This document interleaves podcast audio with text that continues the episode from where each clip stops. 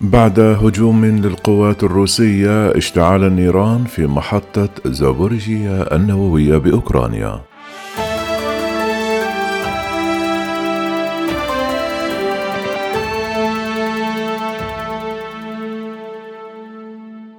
أعلن رئيس بلدية إنرغودار الأوكرانية في منشور له يوم الجمعة أن النيران اشتعلت في محطة زابوريجيا للطاقة النووية القريبة كما أكدت السلطات الأوكرانية أن القوات الروسية باتت تطلق النيران من كل الجهات على المحطة حتى اندلعت فيها ألسنة اللهب مؤكدة أن رجال الإطفاء أضحوا عاجزين عن استيعاب الحرائق.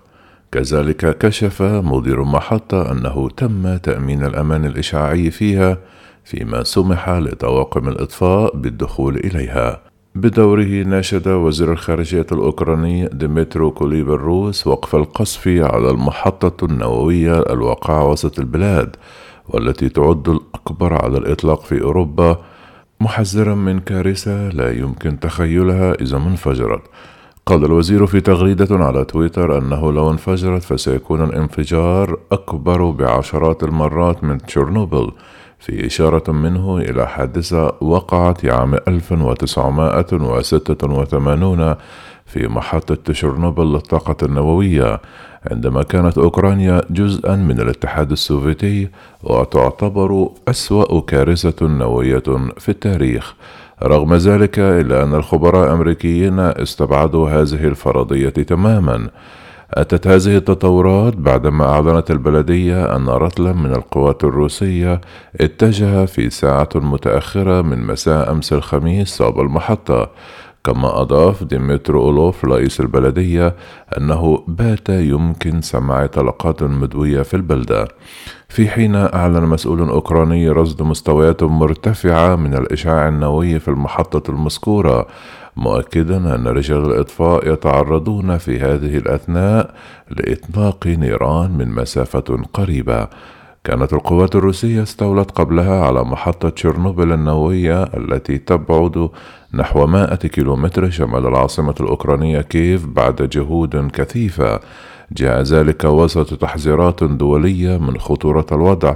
حيث دعا المدير العام للمكالة الدولية للطاقة الذرية رافائيل جروسي أمس القوات الروسية والأوكرانية إلى الكف عن القتال في تلك المنطقة وهي محطة زابوريجيا للطاقة النووية. وتشهد هذه الأماكن اشتباكات عنيفة بين القوات الروسية والأوكرانية وسط تحذيرات دولية من خطورة الموقف.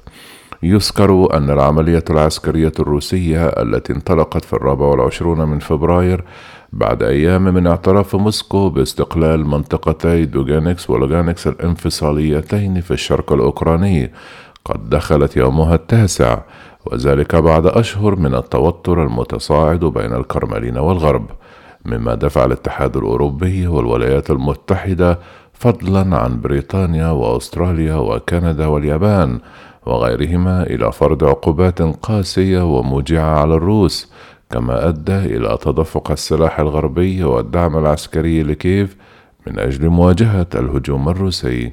في حين اتفقت كييف وموسكو الخميس على إنشاء ممرات إنسانية لإجلاء المدنيين في ثانية جولة محادثات منذ بدء العملية العسكرية الروسية الأسبوع الماضي.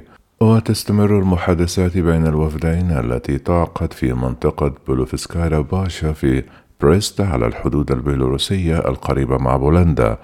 بعدما انطلقت يوم الاثنين الماضي حيث عقد الطرفان أول لقاء في الثامن والعشرون من فبراير الذي انتهى من دون تحقيق تقدم ملموس إلى أن اتفقا على عقد لقاء ثان انتهى أمس الخميس والثالث سيعقد بداية الأسبوع المقبل.